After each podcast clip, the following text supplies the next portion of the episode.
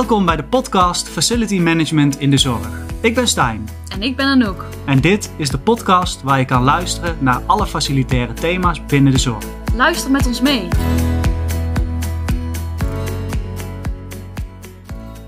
Ja, welkom weer bij een uh, nieuwe aflevering, de zevende aflevering van deze podcast Facility Management in de Zorg. En ik moet eigenlijk meteen iets rechtzetten, want Bart is er niet meer bij. Nee, Bart is er niet meer bij. We hebben Anouk in de studio.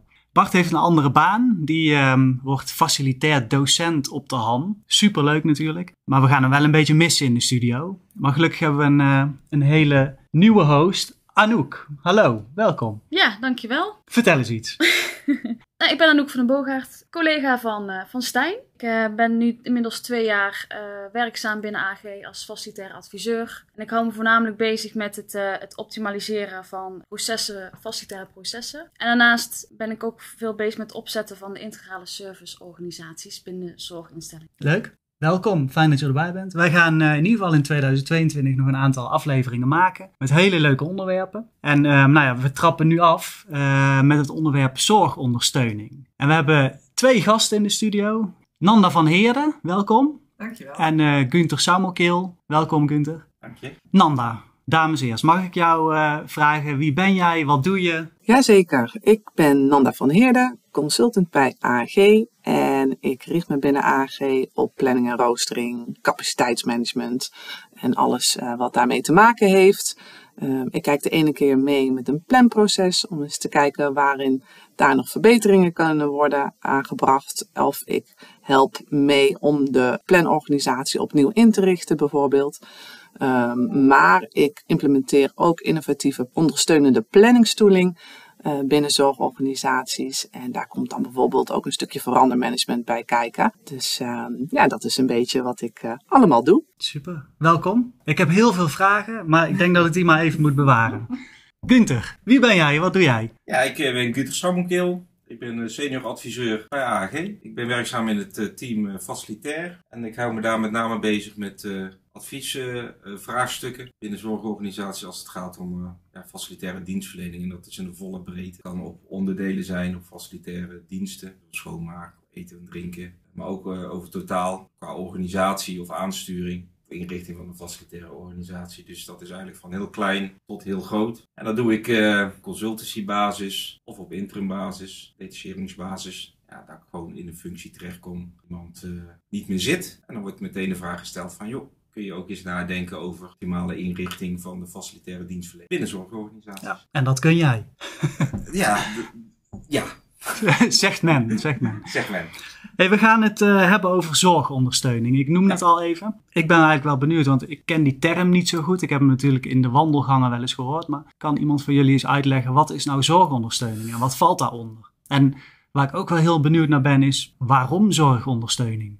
Nou, ik begin eerst met jouw eerste vraag. Ja. Wat is zorgondersteuning? Nou, zorgondersteuning is meer de conceptuele benaming van hetgeen wat wij binnen zorgorganisaties uitvoeren. En dat zit hem op het vlak van taakdifferentiatie. He, door middel van uh, MMO-metingen, multimomentopnames, brengen wij in beeld ja, wat de tijdsbesteding is van verschillende medewerkers in relatie tot de verschillende taken die op een uh, zorgafdeling plaatsvinden. Daarmee ondersteunen we de zorg, dus vandaag de naam zorgondersteuning. Mm -hmm. um, ja, wat was je tweede vraag? Nou, waarom, waarom uh, zou een organisatie moeten kiezen voor deze manier van zorgondersteuning? Nou ja, gezien, het, gezien de krapte op de arbeidsmarkt hè, en, en het, uh, de krapte aan zorgpersoneel met name, is het voor organisaties in mijn optiek interessant om eens inzicht te krijgen in van hey, hoe, wat gebeurt er nu allemaal op zo'n afdeling? Hè? Wat zijn dan zorgtaken versus ondersteunende taken of facilitaire taken?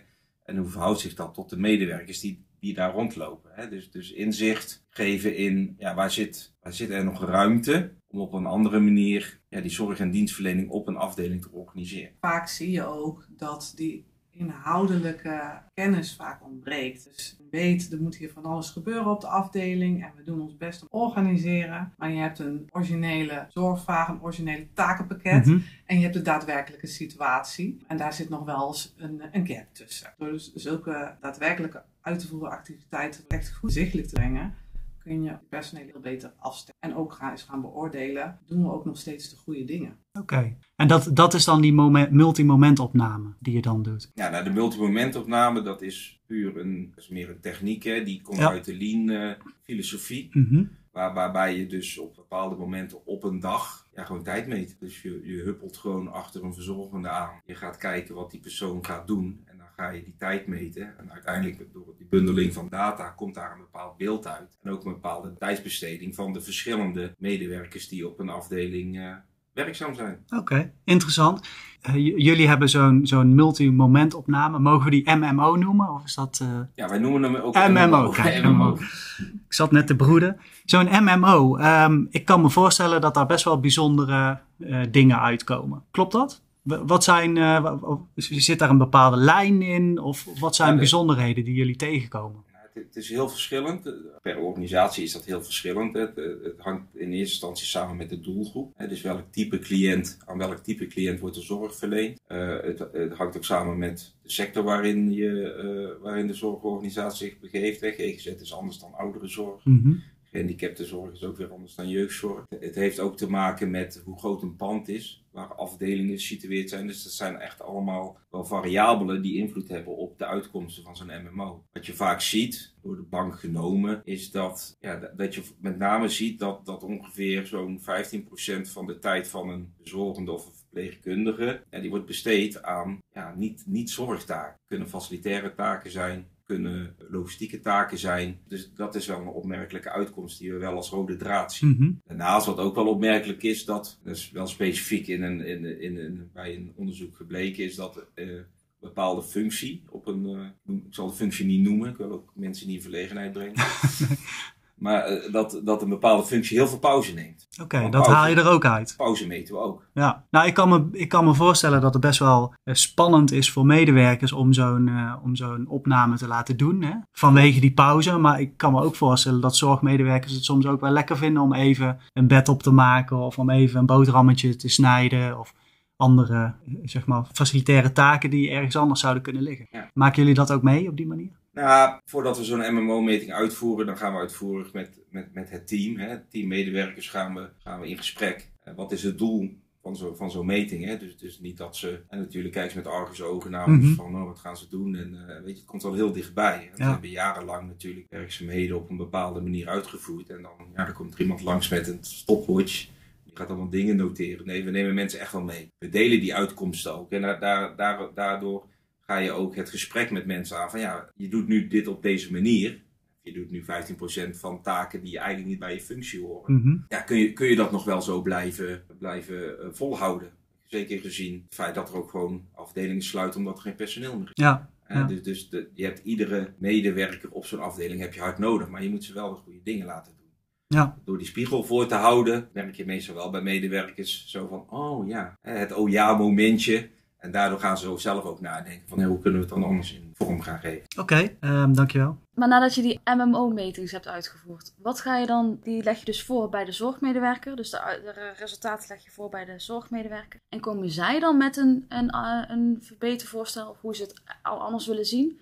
Of leg jij, ga jij dan adviseren? Nou ja, kijk, niet dat we per definitie in eerste instantie gaan adviseren, maar dit is gewoon echt een objectieve meting. Dus je legt het bij de medewerkers neer, een bepaald beeld uit. Je laat mensen ook, eh, het is een soort van, ja, wat, wat ik dan zeg, eh, mensen die herkennen het of die herkennen het niet. Mhm. En meestal herkennen ze het wel. Ja. Wat, wat we meestal doen, of wat we vaak doen, is dan de koppeling leggen naar een planning en roostering. Want je kunt wel zeggen van, je kunt 20 uur per week besparen door het anders te organiseren. Maar ja, daar kan ook de kwaliteit van zorg kan, eh, kan in het gedrang komen. Dus we willen graag dat theoretische beeld wat wij objectief hebben opgehaald, eh, willen wij ja, ook wel kijken, eh, eh, wil- willen we ook wel weten of dat ook in de praktijk toepasbaar is. En dan, dan komt dus planning en roostering, dat is een andere afdeling binnen AAG. Mhm. Ja, die komt dan in beeld om die resultaten uit die MMO-metingen verder in, in de tooling die zij gebruiken te stoppen. Ja, Ja, en dat is misschien wel leuk om eh, aanvulling op te geven. Want wat Gunther zegt is precies, hè, je gaat vanaf die eerste stap die metingen doen. Maar daarna wil je ook die medewerkers meenemen van ja, hoe kun je het nou optimaler maken? En niet alleen maar om het efficiënter eh, te doen. Want daar zijn medewerkers altijd een beetje hè, achtbalend in. Van we moeten nog, eh, nog zuiniger en Ja, hè, we mhm. moeten... eh, met nog minder middelen het werken uitvoeren. Maar het is ook echt, je wil ze gaan ondersteunen. Hoe kun je het nou beter doen, zodat je jezelf ook een stukje ontzorgt. En uh, vanuit planning en roostering is het heel fijn als, dat we vanuit dat MMO-onderzoek de praktijk kunnen laten zien in tooling die we hebben. Nu bijvoorbeeld via Tonos. Tonos is een planningstoel waarbij echt de activiteiten die worden uitgevoerd op een afdeling, de zorgactiviteiten en de niet-zorgactiviteiten, die kun je in die tool stoppen.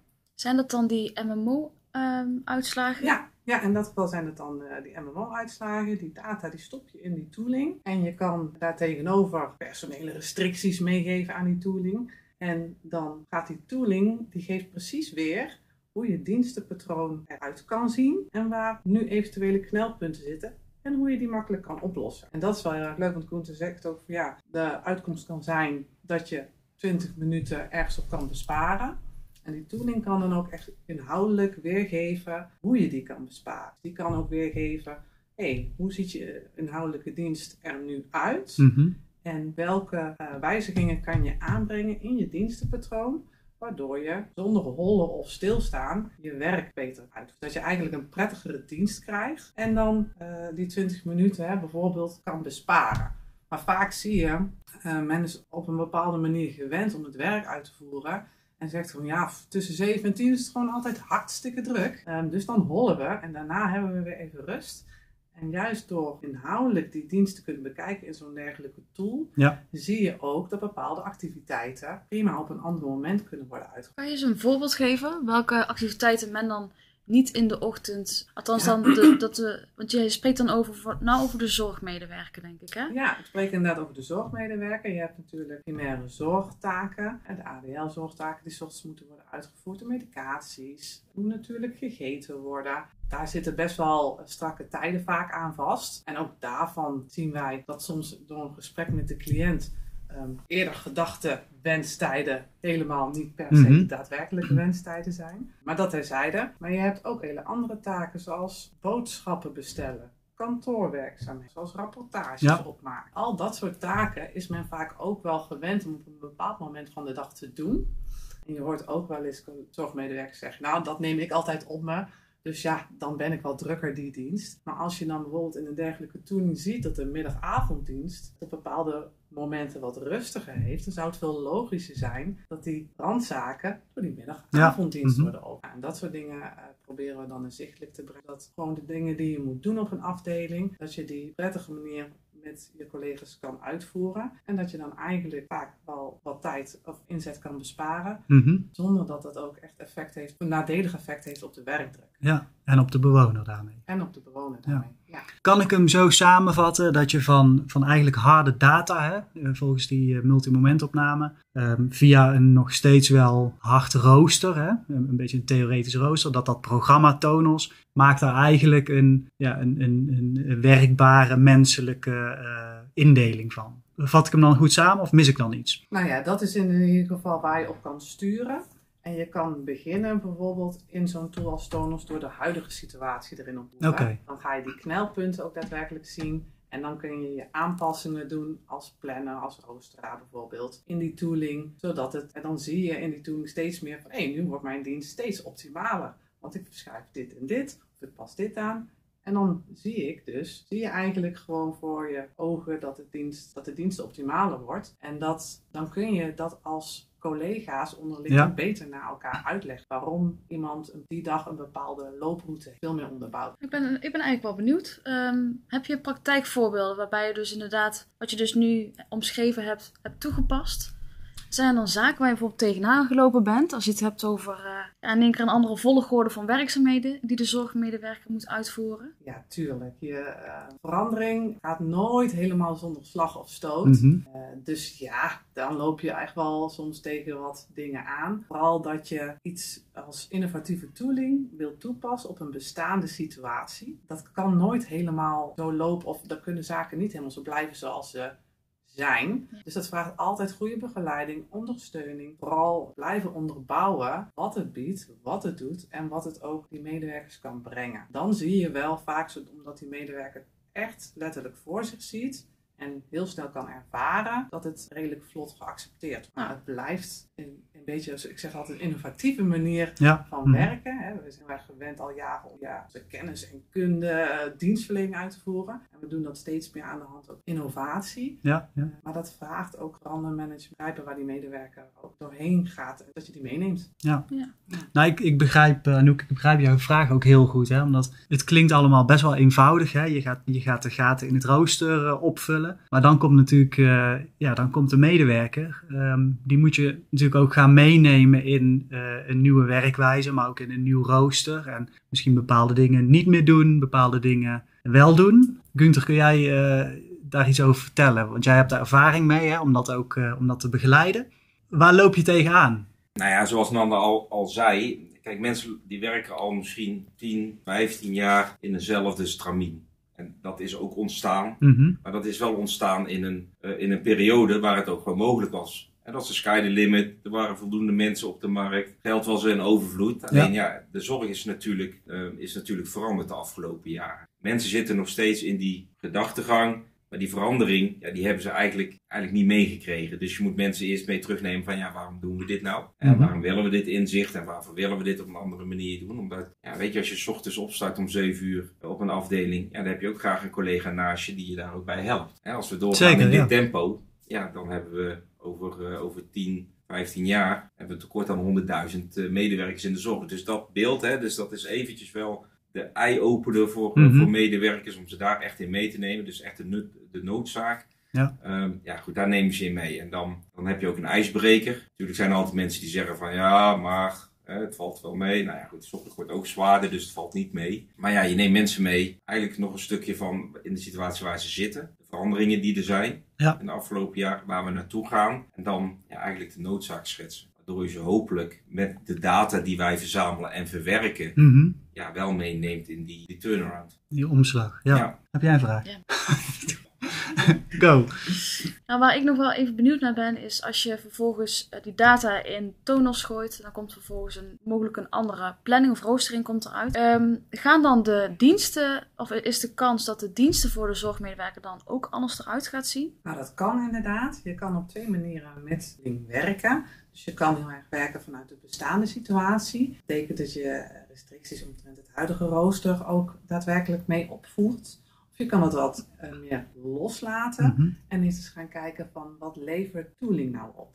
En waar zitten dan de eh, verschillen als je kijkt naar het huidige rooster en een eventueel nieuw plan wat het tool als Tonos biedt. En dan kun je ook met je medewerkers gaan kijken of met je collega's wat is haalbaar en op welk termijn. Medewerkers zijn momenteel vaak in de zorg gewend om om de zoveel weken een nieuw basisrooster te Mhm. ontvangen.